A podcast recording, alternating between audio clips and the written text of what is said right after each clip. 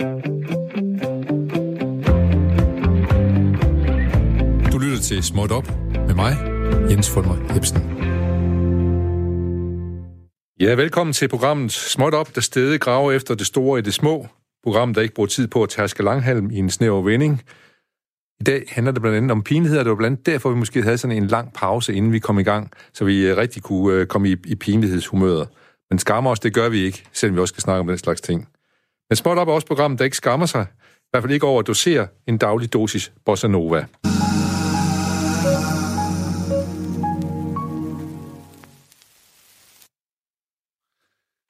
Så er der kun 13 dage til England synger, og basunerne forkynder, at nu er det jul, endelig jul. Jeg håber, I har styr på gaverne derude. Selv er jeg ikke helt styr på, hvad jeg ønsker mig, men jeg håber, at jeg blev glædeligt overrasket. Overrasket kan man også blive i det her program. Småt op er nemlig en dør, der går op, og man kan aldrig være helt sikker på, hvem og hvad der kommer ind. I går kom der små biler ind, i dag kommer der måske en skedebrud, hvem ved. Det skal man være forberedt på. Men vi er glade for alle, der kommer ind, og alle, der lytter med. Tak for pokker. Programmets første punkt er som sædvanligt en lille ting. I dag handler det om hverdagens små pinligheder, som måske kan vokse større og blive til noget mere og farligere. Men hvem har ikke været der? Lige først er der lige lidt breaking smut. om det er pinligt eller ej. Det må du selv dømme, når, vi, når du har hørt det. Ja, det var breaking smot her, der kommer. En mand kommer ind på et jobcenter. Han har haft en blodprop. Det er nede i Hensted. Han blev bedt om at... Han vil gerne have nogle penge og så videre. Han blev bedt om at komme hen for at se, hvordan han har det. Så blev han så mødt af en socialrådgiver, der beder ham om at vise, hvordan han tørrer sig selv i enden, når han har været på toilettet. Det er svært at forestille sig, om der har været en meningsfuld dialog mellem øh, klienten og socialrådgiveren på det her tidspunkt, og hvad de i så fald har talt om. Men i hvert fald så måtte han demonstrere, hvordan han tørrede sig bag i, når han har forrettet sin nødtørft. Hvem er det her pinligt for? Er det pinligt for klienten, der skal tørre sig? Eller er det socialrådgiveren, der beder ham om det? Eller er det borgmesteren, som øh, øh, Kasper Glyngø, som senere måtte øh, undskylde det hele? Døm selv. Eller måske skal jeg spørge vores gæst i studiet her, Carsten Stage, forsker for Aarhus Universitet og forfatter til en tænkepause om skam og pinlighed og skyldfølelse og hvad der følger. Det her, er det, øh, er det, er det pinligt, eller hvad, hvem er det pinligt for, det her, den her sag nede i Hedensted? Mm. Ja, jeg tror måske, det er en pinlighed, der rejser lidt rundt mellem nogle, nogle, nogle forskellige, fordi man vil sige, det, det pinlige knytter sig til, til upassende opførsel. Altså, der er ligesom nødt til at være nogle idéer om, hvad der ja, ja. er rigtigt og forkert, ja. og hvordan man burde gøre det her. Ikke? Og, så, ja. og så det, det pinlige knytter sig til den følelse, man får, når man så ligesom ikke kan leve, øh, kan leve op til det. Ikke? Og så nogen vil også sige, at det pinlige knytter sig til, at man kommer for tæt på. Altså, det kan være sådan helt kropsligt, at man simpelthen kommer for tæt på den anden. Det, det, der skal være en eller anden behørig distance, ja, ja. Og, og der er et eller andet med her, de kommer for tæt på. De Men, skal ikke med ind i på toilettet der, vel? Altså, det, det, det, det er simpelthen for tæt på den der Ja, det er det, man tit snakker, krop, man, man, man, altså. taler tit om, nu kommer du ind i for tæt på min uh, personlighedscirkel her, ja. sådan eller andet. Det er det, det, det, der bliver overskrevet her ja. med skille grænser, eller ja. med skille meter, kan man sige. Så ja. i første omgang er det nok pinligt for, for personen der, borgeren, ikke? Ja. Og så tænker jeg, når han begynder at dele det, så, ja. så kommer slår den tilbage i, i systemet, ja. en pinlighed, ikke? I går havde vi noget om sommerfuglteorien, der startede med et lille vingeslag, som vokser sig større og større. Det er næsten det, der sker her. Ja. Det startede med ham der, så basker han lidt med vingerne, og så blev det socialrådgiverne, og så blev det borgmester, ja. nu blev det en politisk, stor politisk sag, faktisk. Ja. Ja, ja. Det var også godt. Vi skal høre lidt om din, din bog, som egentlig dybest set handler om skam, som du har forsket, forsket i. Mm. Øh, hvad, hvad er skam? Er det en positiv følelse? Skam er ikke en ting. Det er, det er sådan virkelig et mantra her. Ikke? Den, den kan være enormt destruktiv, vil man ja. sige. Ikke? Altså, fordi skammen er meget knyttet til, at man føler, at der er noget galt med en. Det, man må sige, skammen, en skamfølelse er knyttet op på personlighed, på identitet, at man har sådan en, en oplevelse, at man, der mangler noget ved, ved en. Ikke? Ja. Og den mangel kan jo være øh, helt forkert opfattet. Altså man, man, kan, man kan se sig selv som en stor fejl, og mange vil sige spiseforstyrrelser og selvskade og sådan noget. Der, der ligger skammen egentlig som sådan en, en grundmotor. Ja. Men nogle gange skal vi også skamme os. Ja, for altså, eksempel. Være, altså der er jo mange gange... Hvornår skal vi skamme os? Ja, jeg tænker, vi, vi sætter os ind i bilen, øh, alkohol påvirket, kører en anden person ned, hvad ved jeg, så ja. tænker jeg, at det er okay lige at have skamfølelsen som Absolut. en måde at, at spejle sig selv på. Ja. Man taler også om klimaskam i dag, at folk skammer sig mere og mere over at flyve meget, eller forbrug ja. øh, på en ubæredygtig måde. Ja. Den skam, tænker jeg også, kan være et helt godt, øh, udmærket godt, øh, spejl lige at sige, øh, behøver jeg egentlig flyve ja. så meget? Behøver jeg at købe det, jeg, ja. det jeg gør? Ikke? Gode, gode eksempler. Ja. Jeg tænker også lidt på, om, nu siger du, det, det knytter sig til personen, altså til noget individuelt. Men kan man ikke også som land skamme sig, for eksempel, når man hører om en eller anden øh, pædofil dansker, der har skåret kønsorganer af folk nede i Sydafrika er blevet fanget, fordi han har fryseren fuld af dem der. Så skammer vi sig ikke over, hvad danskerne og sådan noget, det kommer frem? Jo, så skammen kan sagtens være, være kollektiv, når ja. man, man, øh, man ja, kører på, på, et, øh, på et gruppeniveau. Og man kan sige, at skammen er meget koblet op på, at man føler, at der er nogle andre, der kigger på en. At man bliver bedømt af ja. nogle andre, og bliver fundet mindre værdig på en eller anden måde. Det kan være noget, noget individuelt. Det kan være, når man knytter til familien, byen, nationen. Altså, ja. det kan sådan set okay, men, og, op nogle forskellige Og vi skal have følelsen af, at der er nogen, der kigger på os, jo selvfølgelig. Ja, lige præcis. Ikke? Ja. Ja. Og, der, og der adskiller skam som måske for pinlighed. Altså, at, at i skammen, der kan vi forestille os andres blik. Altså, vi kan have alle mulige idéer ja. om, hvordan de andre kigger på os, og de nok vurderer os negativt. Men ja. pinligheden, vil man sige, den, den er lidt mere lokal. At den kræver faktisk at der er tilskuer til publikum, det. ikke? Ja. Altså, hvis vi falder på cyklen, på en og der ikke er nogen, der ser os, altså, så, så er det ikke pinligt. Nej. Det er det øjeblik, der står tre ja, mennesker ja, på, på fortorvet, ja. og faktisk er et publikum. Ja. Så, så på den måde er pinligheden lidt mere lokal, så, situationsbestemt. Og, ikke? og konkret også på en eller anden ja. måde, kan ja. man sige. Eller, ja. Men, øh, men, men jeg prøver lige at, at tale lidt mere omkring det der. Hvorfor er noget pinligt? Ja, det er der rigtig mange øh, forskellige bud på, men altså på og grund, så er det noget med, at man, se, man ses, eller man opdages i upassende adfærd på den ene eller på den anden måde. Ikke? Øhm, det der med at være for tæt på, knop, kobler man til, til pinligheden. Altså, at, at, at man, ja, for eksempel kropsligt kommer for tæt på, på, øh, på, på andre. Altså, jeg, Tab af kropskontrol er sådan en, en genkommende tema, ja, at man ikke kan styre det, kroppen. Altså, jeg, jeg, jeg husker, at jeg gik i skole, når nogen gik i skole med nede i skolegården, så de snakkede med, så stod de faktisk og knappede en skjorte op ja. i, sådan for eksempel. Ja. Det var, det var ja. totalt grænseoverskridende på en eller anden måde. Ja. Men det, det, Men det, det, er for tæt på, for eksempel. Det er for tæt på, ja. ja. Men også når man, altså, man ikke kunne styre kroppen prutte i de forkerte omgivelser. Ja. Det kan også være sådan nogle øh, adfærdsting, man har glemt at lukke øh, gylpen, man har glemt at, at få fjernet bussemanden fra næsen, ja, eller hvad ja. ved jeg. Alle sådan nogle, små, tænder, altså, noget, ja. Ja, sådan nogle små adfærdsregler, øh, hvor man på en eller anden måde bryder nogle, øh, nogle øh, normer eller nogle ja. adfærdsregler. Øh, ja. ikke? Øhm, og der var også nødt til lige at sige til dig, at der behøver ikke stå en og kigge på en nødvendigvis. Det kan også være, at der er nogen, der står langt væk og hører en. Fordi nogle ja. gange må du snakke om de der luft og lyde, der kommer ud af, når man eksempel på toilettet. Så ja hvis den nu er rigtig ekstra, ekstraordinært høj, kan man jo godt være bange for, at der er nogen. Ja. I stedet hørte, hørte de det. Lige præcis. Ja. Men det pinlige kommer så først rigtigt, hvis man ved, at de faktisk det. hørte det. Ja. Altså, de hørte det faktisk, ikke? Ja. Øhm, yes. Og så snakker man også om overdreven opmærksomhed. Altså, hvis man får for meget opmærksomhed, nogen, øh, det kan være positivt eller negativt, man bliver rost for meget, ja. man bliver kigget for meget på af alt for mange ja. på samme tid. Det vil Klar. også være sådan en klassisk uh, pinlig øh, situation. Ikke? Ja, og, og hvad kommer det egentlig af? Fordi det kender jeg jo egentlig godt fra, fra især for børn, der er konfirmation, for eksempel, der kommer taler for dem eller et eller andet, så bliver de ja. pinligt berørt over det, eller også pinligt over, at forældre kan finde på at stå og sige, mens der er andre mennesker til stede. Hvad, hvad er det for en kilde, det kommer af? Det der? Ja, jeg vil tænke, at det, det handler om, at så er der virkelig mange, der kan se, hvis man, øh, hvis man fucker op, for ja. at sige det lige ud. Ikke? Ja. Altså hvis man på en eller anden måde bryder de her regler, hvis man ikke kan finde ud af at holde en tale, hvis man ikke kan styre sin stemme. Ja, ja det er klart, det, det er med på. Altså, der er et, publikum på ja, ens fejl, simpelthen, ja. ikke? Og man tænker mere på ens øh, børn. Når man mm. taler for dem, ja. så bliver de også pinligt berørt. Ja. Øh, over, at de bliver rost, for eksempel, som du ja. talte om. Ja. Ja. ja. Og det er en sjov kilde, det, det må komme fra, når man roser nogen til. Det ja. plejer jo at være godt at rose sine børn, men man kan rose dem for meget også jo. Der er også pinlighedsforskning, der vil sige, at, at pinlighed knytter sig vældig meget til udviklingen af, af selv. Altså, at, at man er meget pinlig som teenager. Ja. Simpelthen fordi man er ved at finde ud af, hvem er man? Hvem er man? Øh, hvad er det for nogle normer og værdier, man tror på?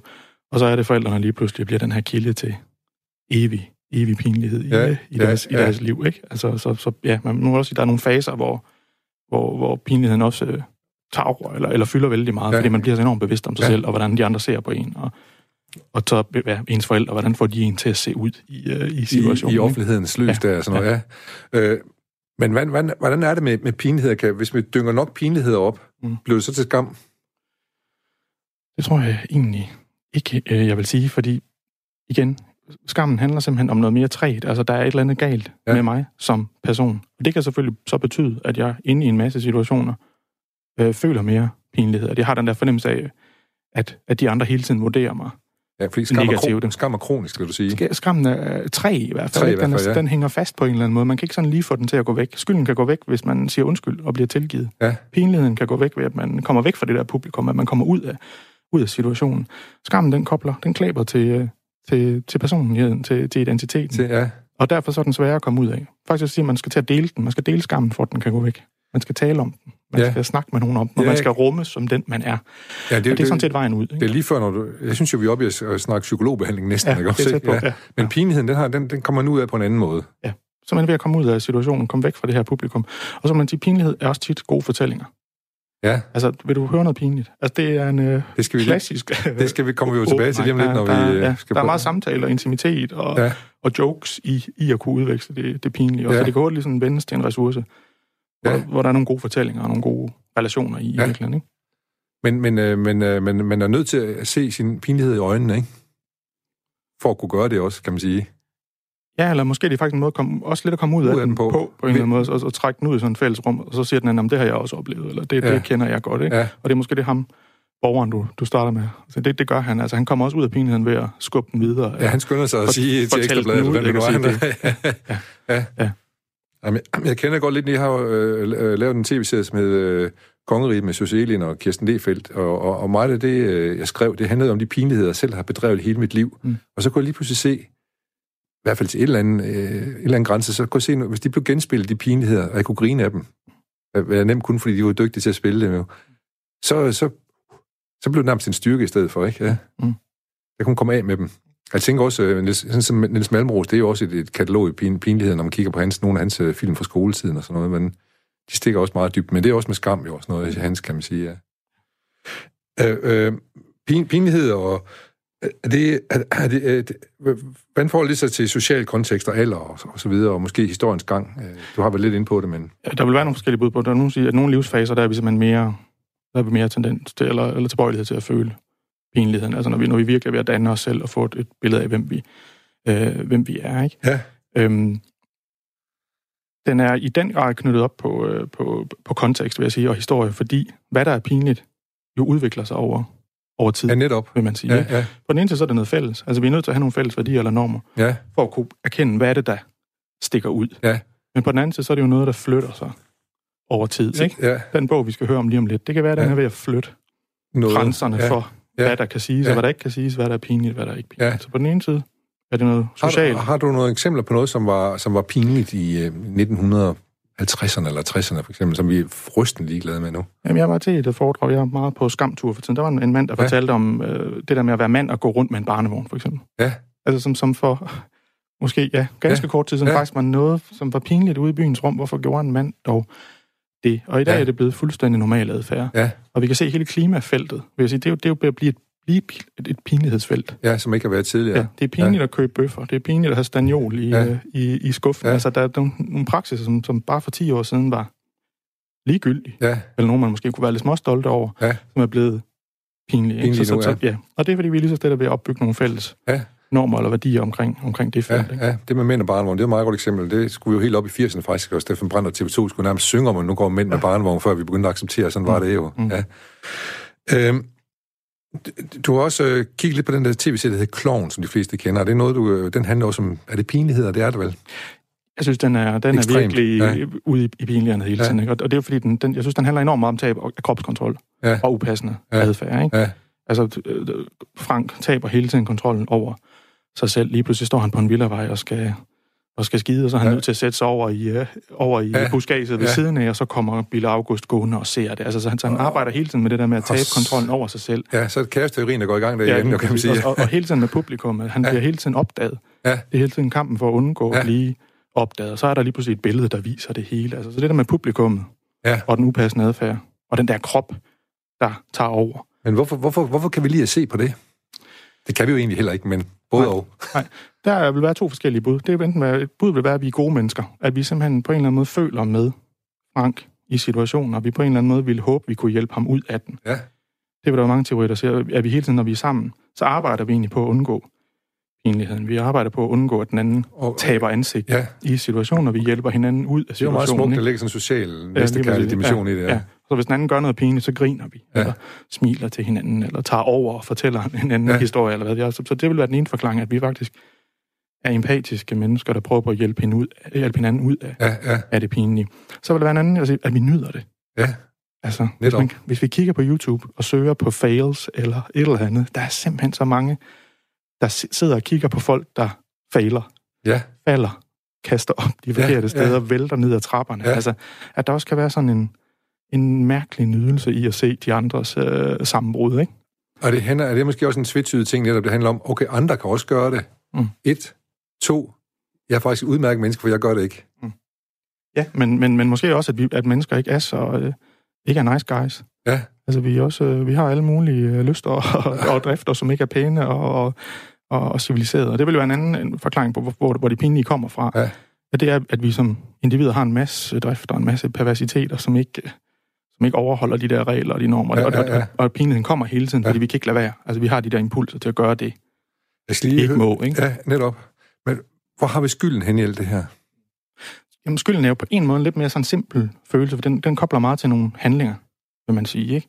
Det handler i lidt, lidt mindre grad om mig selv som individ. Altså i pinligheden, der føler man sig også lidt udstillet, eller, Ja. eller set på. I skammen, så er der noget galt med ens personlighed. Ja. Skylden, det handler meget om nogle handlinger, man har, man har gjort. Ja. Man er kommet til at smadre øh, mors yndlingsvase derhjemme, og det er jo helt forfærdeligt, men man, man kan, sætter, sætter sig måske ikke sig selv på spil i skylden på samme måde. Der har man gjort noget, noget forkert, ikke? og så skal Ja. man straffes, og så skal man sige undskyld, og Og tilgives, og så kan man ligesom komme videre. videre. Ikke? Ja, så, så Ja. man er ikke, hvad kan man sige, identiteten eller personen er ikke på samme måde i spil Nej, i, øh, i, øh, i skylden. Ikke? det er hurtigt swipet videre derfra, Lidt- så hvis man lidt, lige øh, sørger for ja. godt ordentligt, så er man Ja. videre der. Ja. Ja. Nå, vi skal snakke meget mere om det her, men først så skal jeg lige, øh, i den her søde juletid, der har jeg du med at lige at... Øh, vi sættes, vores, den her, den virker. Det gør den. I den her søde juletid, der har vi nemlig fromme juleønsker i det her program. Små fromme juleønsker. I dag der har vi en lille julebøn om mere fred og fordragelighed i verden. Må vi aldrig skamme os over, hvem vi selv er. Må vi aldrig udskamme andre for, hvem de er. Det var dagens fromme juleønske.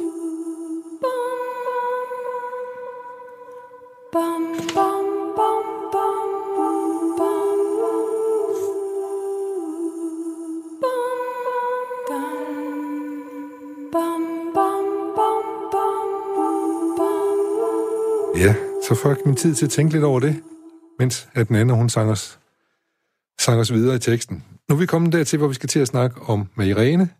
Hvis jeg nu siger skidebrud til dig, hvad siger du så?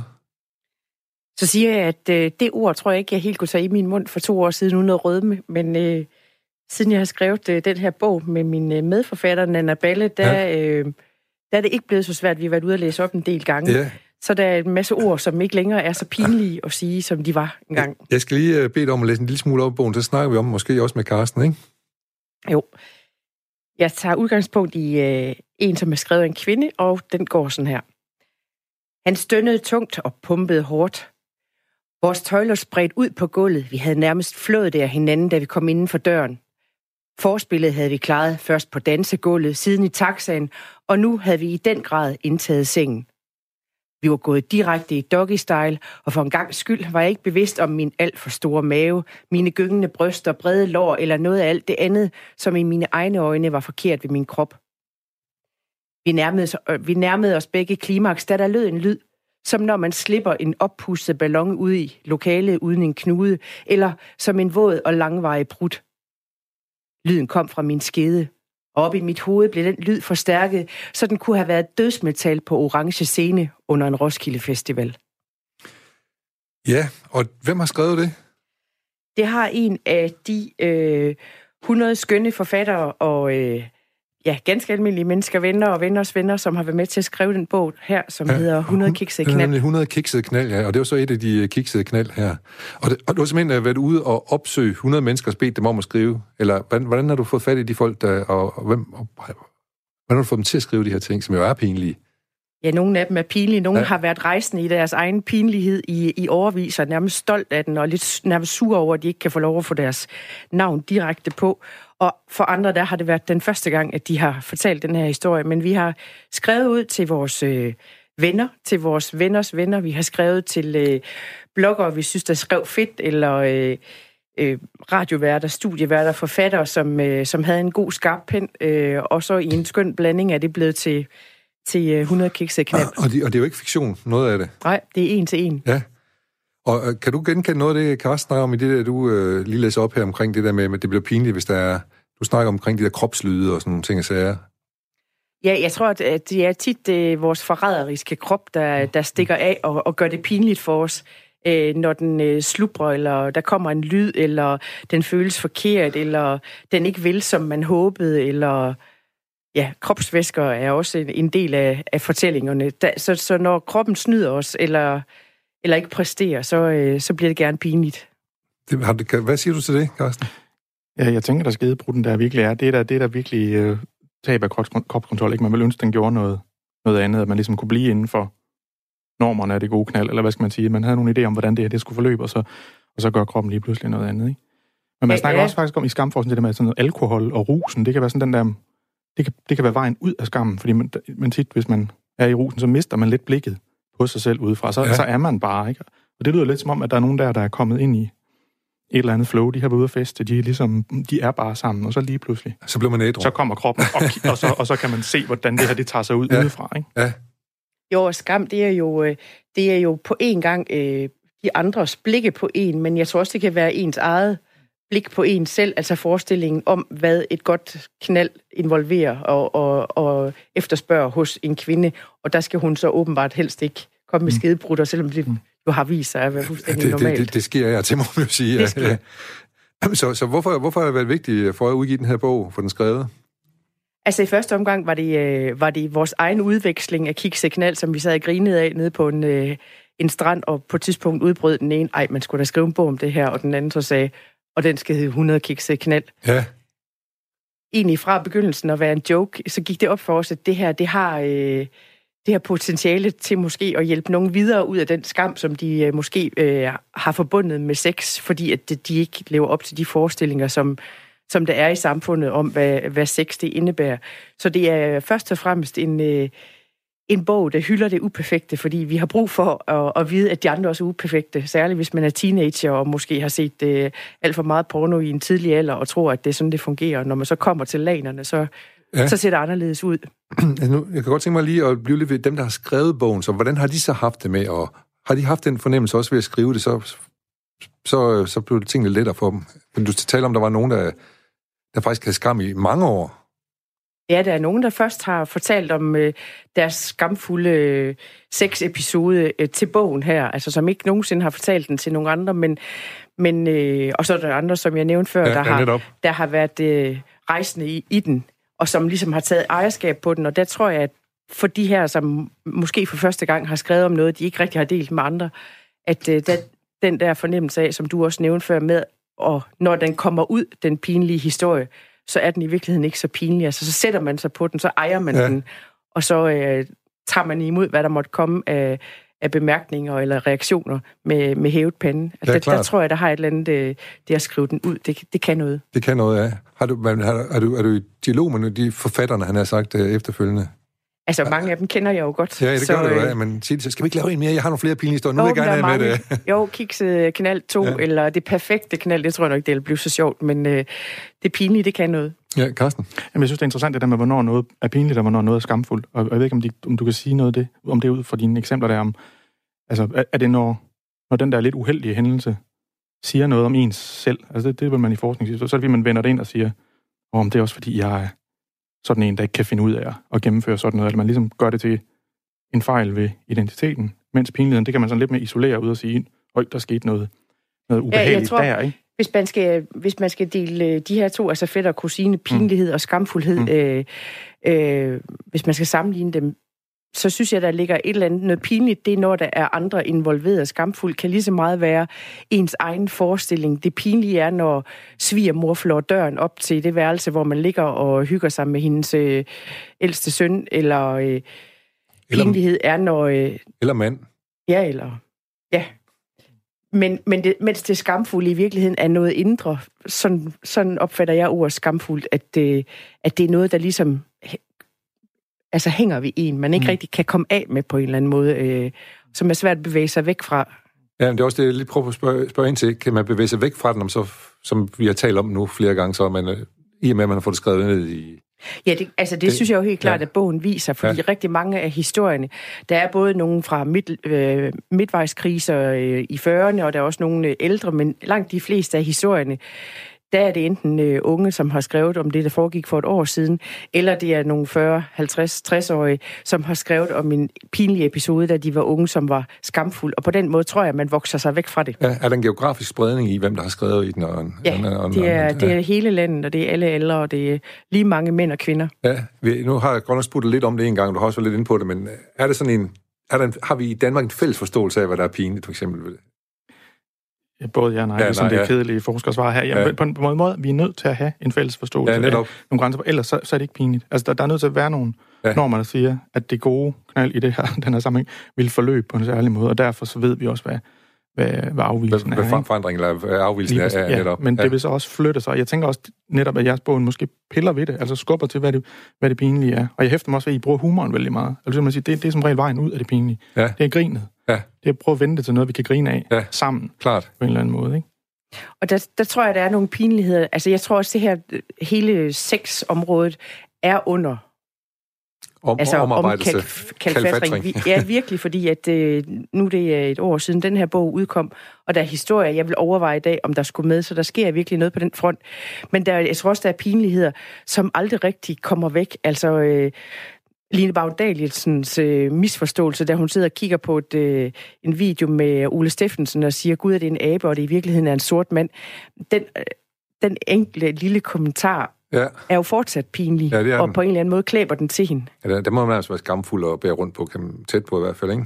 Ja, hun har jo været udtalt sig i flere ja, ja. ja. interviews og artikler og sådan noget, om den ene sætning, som ja. Jo var en, en pinlig fejltagelse, ja. men en fejltagelse, som ligesom bare klæber til hende. Ja klart. Så den flytter sig ikke Nej. af en eller anden årsag. Vil du læse lidt mere for os, end, end historien? Ja, skal jeg læse den videre, eller skal jeg starte på en anden? Det bestemmer du. Øh, Eller? Jamen, så tror jeg faktisk godt, jeg vil starte på en anden, som er pinlig. ja.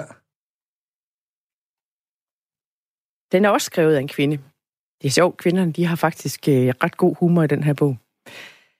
Han var sød, som dagen var lang. Han var smuk, sjov og betænksom, men mest af alt var han mors dreng. Mor Jytte kan godt lide at bestemme, sagde han og stak mig et skævt smil.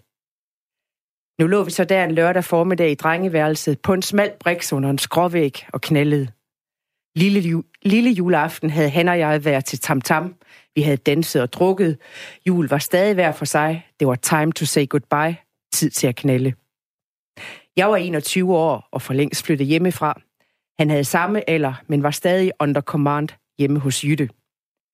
I de fem måneder, vores forhold stod på, blev sexakten aldrig rigtig inderlig. Det var mest bare nusseri før og efter en ordløs, benhård galop, galop af skamben, der slog mod hinanden. For det var som om Jytte var med hver gang med lytterør ude på den anden side af væggen. Sex blandt de unge mennesker var et uundgåeligt onde, hun nødtvunget accepterede på vejen mod højere planer, en svigerdatter og dermed slægtens videreførelse. Og kunne hun på nogen måde hjælpe til med realiseringen af den, skyede hun ingen midler. En pludselig knirken på loftgangen stoppede The Sledgehammer. Var der nogen uden for værelset? I 30 sekunder lå vi med tilbageholdt åndedrag og stive kroppe. Undtagen pikken, der reagerede modsat. Men langsomt genfandt vi liderligheden og hinanden. Efter kort tid lød der igen knirk på gangen. Pause. Vi lyttede og lyttede. Forsøgte at værfe Jytte ud af den indre film. Vi grinede lidt. Vi måtte da høre spøgelser.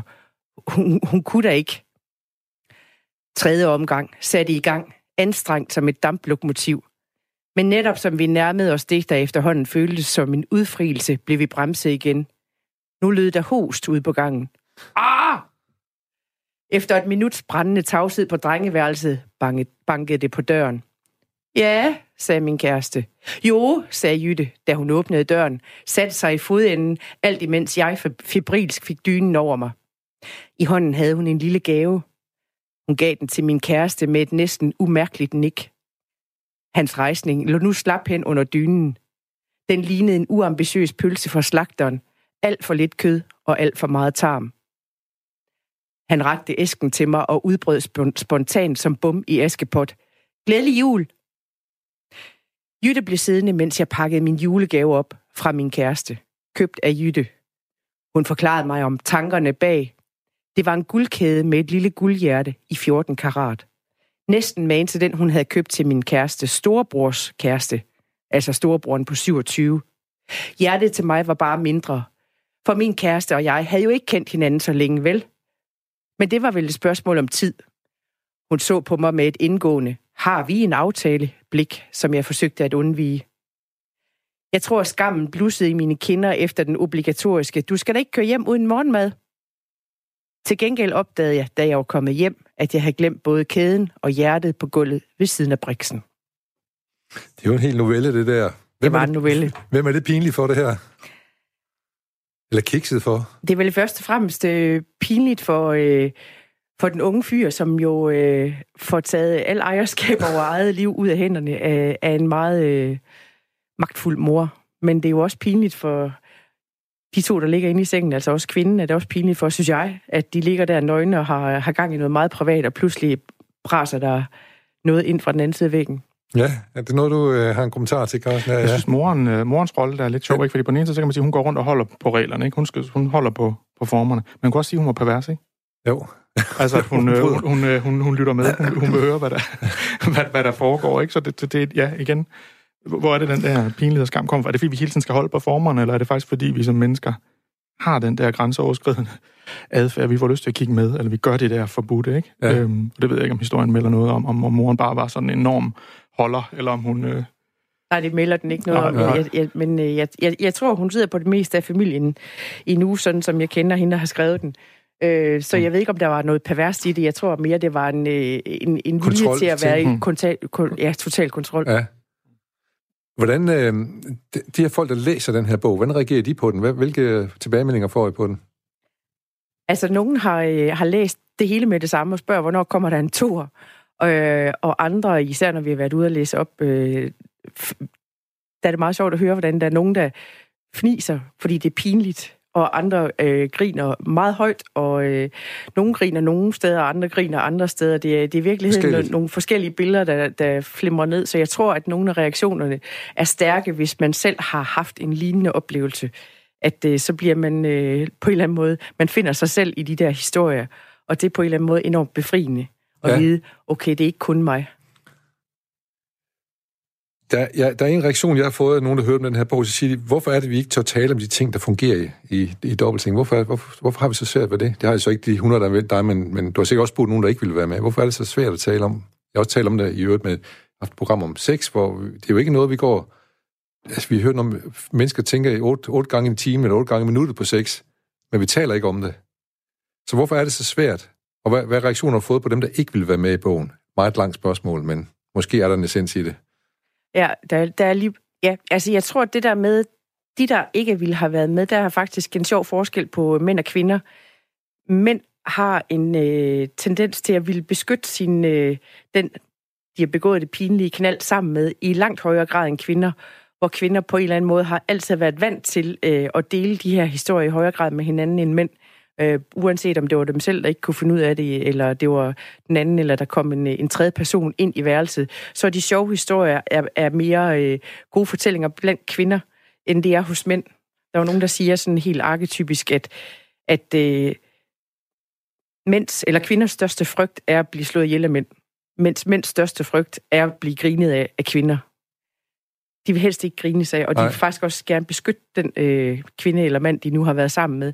Så der er noget omkring, øh, når, når du nu spørger, øh, hvordan har reaktionerne været, så er der mange, der har sagt øh, nej, af dem, der har sagt nej, fordi at de vil være sikre på, at hende eller ham, som de var sammen med, ikke bliver udleveret. Ja. Men, men der er så forskellige reaktioner fra mænd og kvinder på, på, på bogen, også dem, der læser historierne.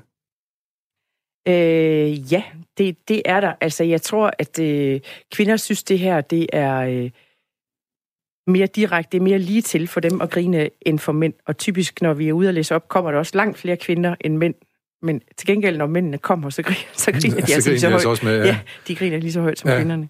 Men der er sikkert også ved at ske skridt, men er det noget, du kan genkende, når vi snakker om, om historicitet og alt muligt andet for nogle ting? Er der også nogle sådan kønslige forskelle på de her? Ja, jeg synes, det er sjovt det der med, at, at, at mænd på en måde har sådan en dobbelt forklaring, at de gør det for, for kvindens skyld, det for at passe på hende. Men samtidig så er det også, fordi de ikke vil grine sig. Ikke? Det, det handler også om, at de ikke vil vil udstille som nogen, der ikke kunne få det der til at, til at fungere. Jeg kan i hvert fald kende det der med, at, at øh, kvinder har nemmere ved at tale om de her ting, i hvert fald når jeg er ude i verden. Altså det er øh, 99 procent kvinder, var jeg lige ved at sige, der sidder i, det, i de der, ja. til de der foredrag. Oh, ikke? Så der er en eller anden en parathed til at snakke om det på en anden måde, så er de måske slæbt øh, manse med til, ja. til foredrag eller sådan Men der ligger der et fællesstudie for det der, at finde ud af, hvad ja. fanden er det egentlig? Ja, ja. ja. Men, men, øh, men umiddelbart man jo tænke, der er en eller anden form for præstations... Øh, kultur omkring manden, som gør de der fejl øh, hurtigere bliver skamfuld, eller man hurtigt en oplevelse af, at der er et eller andet helt, øh, helt galt med en. Ikke? Og får et, et, et, et, et, et ry, som måske ikke er så godt mm. at få, for mm. eksempel, kan man mm. forestille sig, ja. Så, men, øh, men øh, vil du ikke lige læse en lille, vi kan lige nå en lille ting mere, inden vi skal have fat i en uh, ny gæst, øh, som kommer her. Så øh, hvis du har en kort historie, vil vi meget gerne høre den. En kort historie? Giv mig lige et øjeblik. Jamen, det gør jeg bare. Jeg kunne godt advare dig jo lidt før om, at du at den skulle men, være kort. Men vi kan nogle gange godt lide pinlige pauser i det her program. Så. Øh, ja. De har jo cirka den her længdefolmer, så jeg... Ja. Du kan måske lave en, en, en start på noget. Eller du kan lede efter en, så slutter vi med en. Så kan vi snakke ja. med Jacob Birkler imens. Skal vi gøre det? det? Ja. Jeg prøver at se, at han skulle gerne være med på telefonen. Ja, ja hallo. Goddag, Jakob. Det er Folmer fra Småt Op. Ja, goddag, goddag. Har du lyttet en lille smule med på noget af det her, vi har talt om med Carsten og, og Irene her? Jo, lige de seneste minutter, jo, ja. Ja. Men du har, du har skrevet en bog også omkring de her pinlige ting og akavede situationer, sådan en slags, slags etik over pinligheden af det. Hvad, hvad, hvad er det, du kalder den lille etik omkring det her? Ja, jeg, jeg, jeg har jo arbejdet med etik igennem mange år, ja, du, og jeg synes, det var spændende også ja. at, at uh, se på nogle af de der mere sådan hverdags etiske situationer, og især se på, om der er en forbindelse mellem det, man kunne kalde for den lille og den store etik. Altså, vi kender jo alle sammen de der meget store etiske spørgsmål, ikke? Som, som de færreste er jo dybest set, de færreste er jo dybest set kommer til at stå i. Men, men, men de der hverdagsetiske eller moralske, kunne man måske snarere kalde dem situationer, står vi jo i hver dag. Øh, og, øh, og så var mit ærne med, med bogen jo altså prøve at finde den forbindelse, der er mellem det, som vi nu også har talt om, pinlighederne, eller det dobbeltmoralske og, øh, og det akavede, og så, og så det, det, man kan kalde for de store spørgsmål, eller i hvert fald de mere grundlæggende værdier. Ja. Øh, og det har, det har jo været båret en lang række eksempler, som jeg har erfaret, ja, ja. som jeg har talt med andre om. Ikke? Det, det, vi elsker jo eksempler i det her program. Kan du prøve at komme med nogle eksempler på, på, på det? Ja, endelig. Altså, man kan sige, mange af os kender jo det der med at stå i kø øh, i Netto, eller hvor man nu handler øh, dagligvarer. Ikke? Og, øh, og så er køen muligvis lang, og så bliver der åbnet en ny kasse. Og så synes det at være sådan, at der er to normer, der gør sig gældende. Altså, der er nogen, der, øh, der har sådan en først til mølle-princip. Ikke? Den er, der kender jeg godt. ja, altså andre, det, det, det er mere sådan en fletteregel, ikke? Altså, hvor der skal også være hensyn til dem, der har stået i køen længe, og man skal ikke bare sådan kunne løvne sig direkte hen til den nyåbnede kø. Ja. Øh, og, og det, der er så interessant, det er, at dem, der så har den der først til, det første mølle-princip, altså, de, de kan så blive skældt ud af dem, der har flettereglen. Øh, og, og i øvrigt kan også lidt undre sig over, hvorfor det bliver skældt ud, fordi det handler bare om at komme først, kan de tænke. Ja, ja. Øh, og det, det, man kan sige, det det, der jo så også ligger i, i, i den norm, øh, som vi så har skabt, eller muligvis ikke har fasttømret, det er jo, at, at det jo også handler om at have blik for de andre, der står i køen. Altså, det kunne jo godt være, at der var en, altså som vi jo ofte oplever, der har færre varer, eller en gangbesværet, eller på anden måde jo en, der, ja. der skal være hensyn til. Og, og på den måde, så griber de der hverdags øh, moralske situationer jo ind i den store etik, som jo dybest set også handler om vores blik for den anden eller de andre. Ja. Øhm, og, og det er det, jeg særligt har, har været opmærksom på, som jeg synes egentlig var, var meget interessant, fordi ja. det er jo der, vi typisk oplever det. Det er klart. Jeg skal også sige, at du har, du har bakset med de helt store etiske spørgsmål, da du har været formand for etisk råd og den slags ting. Så, så, så, øh, så du, har, du ved jo, hvad du taler om, når du taler om de store, de store etiske Øh, eller en stor etik, kan man sige. Men jeg skal lige høre omkring det der med, med, med stå i kø henne i øh, supermarkedet. Er, er det noget med, at vi også godt kan lide retfærdig harme? Jeg tænker på, når du fortæller en historie, at øh, så er der nogen, der bliver sure over det. Men jeg synes jo, jeg tit møder folk, som elsker retfærdig harme. Hvis de får lov til at være sure, f.eks. ud trafikken eller et eller andet, så bliver det det. jo, altså jeg tror da, at du har ret i, at lige med det eksempel, der kan være noget retfærdighedssans, ikke? Øh, og sådan lighedsbetragtninger og sådan noget. Ikke? Og, og vi har jo sådan i Danmark en tanke om, at om det nu er direktøren, eller om det nu er øh, hvem det ellers måtte være, der står i kø, så, så er det altså noget med at finde sin plads i køen, som det hedder allerede i børnehaven. Ikke? Ja. Så, så på den måde tror jeg, der sagtens der kan være noget af, af, af den art der, som, som du nævner. Men jeg tror, der er stor forskel på at stå i kø, for eksempel i supermarkedet, og så sidde i kø i bilen, for eksempel. For så er der jo ikke på samme måde blik for de andre. Men der kan man jo også sidde og skumme over en eller anden, øh, øh, der, der kører galt eller kører forkert. Netop. Men hvis man så igen, men der er igen det, det samme princip, ikke? Altså hvis man lige prøver en gang at kaste tanke på, hvorfor holder jeg egentlig i kø? Det er måske, fordi der er en, der er på vej på, på sygehuset, ikke? Jo. Ja, så får den tid jo lige pludselig et helt andet øh, perspektiv. Jo, eller, men, man kan sige. Ja, men så kommer en retfærdig harm, når der er en eller anden nar, som begynder at køre ind på, øh, på, øh, på den bane, der er inde, øh, hvor, hvor ambulancen egentlig skal køre i nødsporet, ikke? Og lige tage ja, alle bilerne præcis. udenom, eller så kommer en retfærdig jo. harm. Vi spørger ikke engang, om han skal på hospitalet, om der kører derude. Vi bliver bare sure, ikke også? Ja. Er, det ja. noget, er det noget, Carsten, er det noget, du kender til, de her... Øh... Ja, jeg synes i hvert fald det der med, at, at øh, følelserne jo har den her også lidt sociale, opdragende funktion. For jeg tænker, der i køen, så er det vel... Altså, hvis nogen bliver vrede, så er det vel, fordi de synes, de andre ikke, faktisk ikke føler den pinlighed, de burde. Ja. føle, ikke? Ja. Og der var nogen, der siger, altså opdragelse af børn handler sådan set om at lære børnene at føle pinlighed i de rette situationer. Altså det er sådan gennem følelserne, man installerer en eller anden bevidsthed om de, om de fælles øh, normer, værdi, normer, ja, normer og værdier. værdier ja. ja. Så det der med, at vi også bruger både det pinlige og skammen som noget, vi kaster på de andre, for at få dem til at opføre sig på en, øh, på en anden måde, eller kalde dem ind i det fælles rum og sige, nu svigter du faktisk de, øh, de fælles værdier ved at, opføre dig i køen på den, på den måde. Ikke? Så man, man siger egentlig til de andre, du, du burde føle noget her, som du åbenbart som ikke, du ikke, gør, ja. som du åbenbart ikke ja, føler. Ikke? Og jeg ja. tænker, det er også det, vi gør med vores børn dybest set. Ikke? Altså, at man igen og igen forklarer dem reglerne for sociale situationer, ja. indtil de selv ja, kan mærke ja, dem, og indtil de selv kan mærke ja. grænseoverskridelsen. Ikke? Men det er vel også noget af det, du taler om i den lille etiknummer, at man ligesom skal, vi skal, vi skal ind i et fælles rum på en eller anden måde. Er det ikke noget, du har, det har du også haft overvejelser omkring? Jo, altså, som det gælder med, han har sagt, altså hvis man overhovedet kan bruge det udtryk, det lille og den store etik, altså ja. hvis det overhovedet giver mening, ikke? Altså, Jamen, vi, det, det, det leger vi, det ikke har det, ja. Så, så, så, handler, så handler det i hvert fald om, om normer og værdier, og, og så skal man jo, om så må sige, kende dem for at bryde dem, og nogle gange så kan man bryde dem, øh, uden at være klar over det. Ja. Øh, og det er jo i høj grad noget, der betinger, hvordan det så altså nu i den her sammenhæng, hvad vi nu taler om her, kan blive pinligt eller ej. Ikke? Ja. Øh, men men der, er jo, der er jo mange, der har peget på, altså det, nu taler jeg jo så, kan jeg forstå, både om skam og så pinligheder. Ikke? Altså, jo. der er jo der er jo flere, der har peget på, altså, hvordan øh, at, at skammen er blevet afløst af, af pinligheder. Ikke? Fordi før der skammede vi os simpelthen mere, øh, end, end vi gør i dag, hvor skam jo er noget, vi går med selv, som, øh, som det ofte bliver sagt, at det er indadrettet. Ikke? Altså, hvor pinligheden er mere udadrettet. Ikke? Altså, det, det er svært at gå for sig selv at være pinlig. Det er noget, der opstår i en situation sammen med andre. Altså, hvis man går ind i en lygtepæl, så er det pinligt. Ja. Især hvis der er andre, der ser, ser det. Ja, det har altså, Carsten også nævnt ja. Ja, netop ikke. Ja. Altså, så, så, så den der bevægelse fra skam til i dag i højere grad de potente pinligheder er jo interessant. Samtidig med, at det måske også skal hænge sammen med, at der ikke er så mange faste former, som der var før. Altså, så det, det er lettere, det er simpelthen, det er blevet lettere, at noget bliver pinligt. Altså, et rigtig godt eksempel på det er jo det der formleri, vi har, når vi enten skal give håndtryk eller kram, for eksempel. For eksempel, ja, hvad gør man? Der har vi simpelthen ikke, Ja, men vi har ikke nogen fast form, vel? Og det, og det, er, derfor, det er derfor, det bliver pinligt, ikke? Og især, for, altså især til konfirmationen, fordi der kan man møde nogen, man, man, man giver hånd, men så er der nogle andre, man krammer. Og så hvis man skal til at give hånd efter en, man lige har krammet, eller man skal bukse sig ned og kramme en, der sidder i kørestol, eller den 11-årige dreng, eller det, det, det, man, man står der, man, altså, man kan simpelthen ikke finde ud af det, vel? For der er ikke en fast form for nej, det. Nej. Så er du, en, er du en fortæller for, at vi skal have nogle faste former omkring kram, for eksempel? Eller synes du, det er fint nok, at det flyder lidt, at vi må finde ud af det stille og roligt?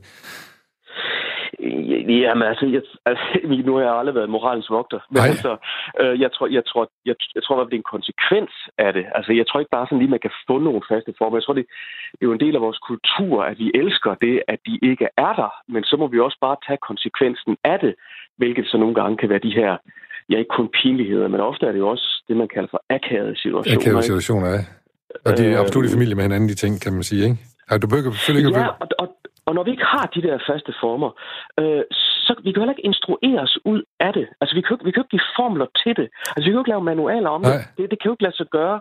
Altså, Nej. noget af det, hvis jeg må give et eksempel på det, øh, så, så kender de fleste af os, de har mødt en bekendt på gågaden, og så man, man ser vedkommende et godt stykke væk og så får man øjenkontakt. Men man holder jo ikke øjenkontakt hele vejen hen, til man mødes med den anden. Nej. Så, så, så kigger man lidt ned, og hvornår skal man så kigge op og få øjenkontakt igen? Og alene det, man begynder at tænke over det, så bliver det akavet. Ja. Men man kan jo ikke, altså der er faktisk nogen, øh, der, der har forsøgt at lave sådan nogle instruktioner i retning af, hvor mange sekunder man så skal kigge ned, før man så skal kigge op igen, og, og, og, og, og hvornår er det, er det legitimt overhovedet at kigge helt væk for på den måde bare gå forbi i tro ja. på, at vedkommende ikke har set det, og alt det der. Ikke? Og så begynder vi komme over, nej, så begynder vi komme over noget, der hedder med politisk korrekt og alt muligt andet. ja, ja, ja, det, det, det, det går slet ikke. Altså, øh, så, øh, så vi bliver simpelthen, om så må sige, nødt til at være i det, og være afslappet med det, og have humoren med, og så videre. Og så ja. Og den, den har vi hyldet her i hele programmet, faktisk, og humoren, og vendt tilbage til den hele tiden. Du skal tusind tak, Jacob. Det er virkelig spændende at tale om det her, så øh, vi, vi skal til at slutte af med en lille bitte bid af en uh, historie mere, men jeg kan lige høre, Carsten, man har en kort bemærkning til, til det, du har sagt her. Jamen, jeg synes, det er en spændende diskussion, det der med, om, om, om vi kan sige, skammen er på vej, på vej væk. Altså, der er jo lavet sådan en sådan øh, følelseshistorisk øh, undersøgelse, der viser, at, at, at interessen for skam har været dalende. Ja.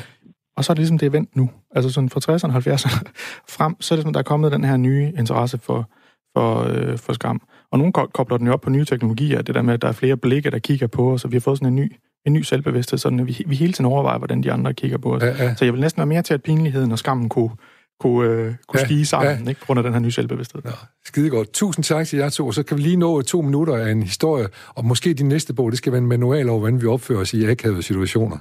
Det kunne det godt være. For eksempel, slik på kniven, stik den tilbage i Nutella-dåsen.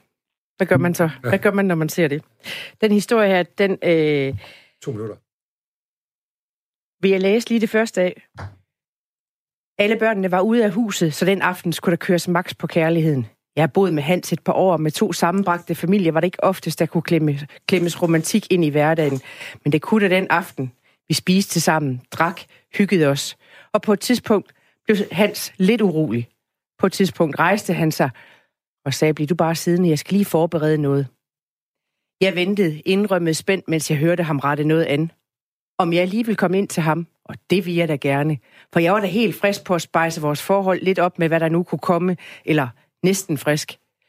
For jeg var nemlig ikke frisk på, at husets fællesrum med et trylleslag var forvandlet til en thailandsk go-go-bar.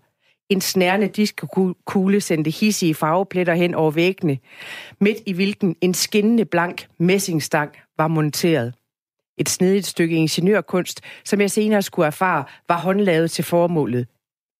Det var virkelig kram, den nøjagtige loftshøjde var målt op, og grundige beregninger var foretaget, så stangen kunne sidde i spænd i både bund og top, også hvis der blev, blev lagt vægt på. Den er til dig, sagde Hans med et håbefuldt smil. Jeg gik helt i stå. Jeg stod bare og måbede. Der gik uendelig lang tid, før det gik op for mig, hvad drømmen bag den hjemmesvejsede striberstang var. Efter alt for langs tavshed indså jeg, at det nok var bedst at sige noget, og jeg greb det første, det bedste spørgsmål, der faldt mig ind. Hvor kommer diskokuglen fra?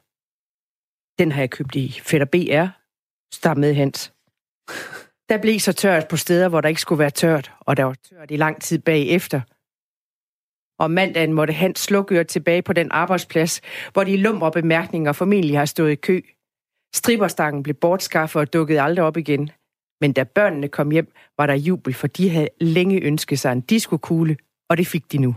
Således og oplevet her til sidst. Tusind tak, Irene Nørgaard, for for de, øh, oplæsning af din øh, bog 100 kiksede knald og din medvirken her. Tak til Carsten Stage for din medvirken, tak til Jacob Birkler, som var med på i telefonen fra, fra København. Som man kan høre nu, så begynder vi at nærme os slutningen på programmet. Du er velkommen til at eventuelt at sende dine egne små pinlige historier ind til os på lille radio4.dk lille radio4.dk Programmet er produceret af Paseo for Radio 4, skal jeg også huske at sige. Og så er vi jo på vej ud af hypnosen her. Vi skal tilbage til virkeligheden. Vi skal tilbage til Dagmar Iben Østergaard, som er måske en af de allerbedste nyhedsoplæser, jeg kender i hvert fald. Og øh, jeg tæller til tre, og så knipser jeg med fingrene, og så er der nyheder. En, to, tre.